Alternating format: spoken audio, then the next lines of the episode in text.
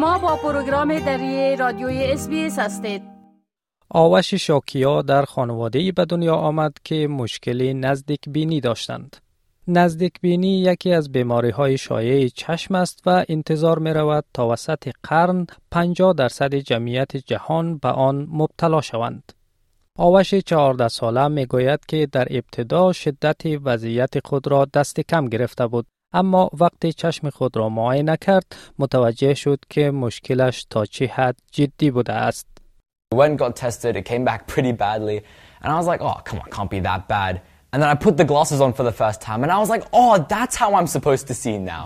And then from then on, it was just so much better. I تا زمانی که به سنف چهارم مکتب نرسیده بود پدر و مادرش متوجه نشده بودند که او با مشکل نزدیک بینی مواجه است مادرش پوسپاراوال می گوید که آنها ابتدا متوجه مشکلات کوچکی در بینایی پسرشان شدند و بعد از معاینه چشم او متوجه شدند که مشکلش خیلی جدی است.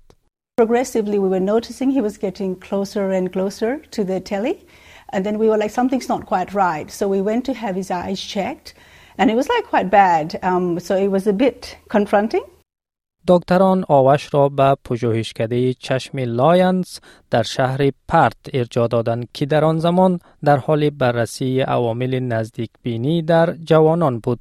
دکتر سمانتا لی پژوهشگر ارشد می‌گوید افراد دیگری که با آوش همسن سال بودند نیز با مشکلات مشابهی دست و پنجه نرم می‌کردند.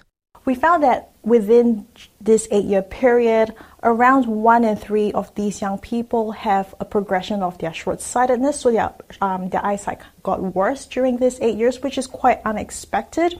دکتر لی از داده های جمعآوری شده از بیش از 600 جوان استفاده کرد تا بفهمد که آیا نمایشگرهای دیجیتال تأثیری بر ایجاد نزدیک بینی دارند یا خیر.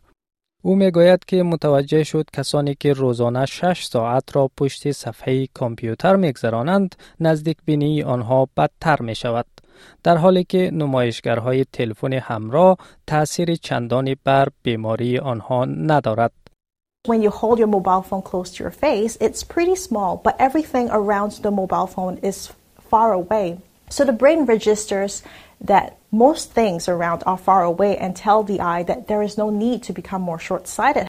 در همین حال کارشناسان می‌گویند گذراندن زمان بیشتر در فضای آزاد می تواند به تأخیر در شروع نزدیک بینی به خصوص در سنین پایین کمک کند.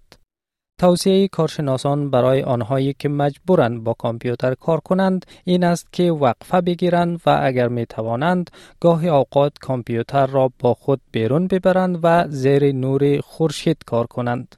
پدر آوش دیپک می گوید که آنها باید بیشتر مراقب استفاده پسرشان از کامپیوتر باشد. کاری که به دلیل رایج شدن کامپیوتر در زندگی روزمره مردم اکنون دشوارتر شده است. Now what we need to do is be more cautious, even more cautious because uh, they are using uh, computer screens for games, studies and everything. So we just have to make sure that the times they uh, spend on the uh, bigger screens are limited.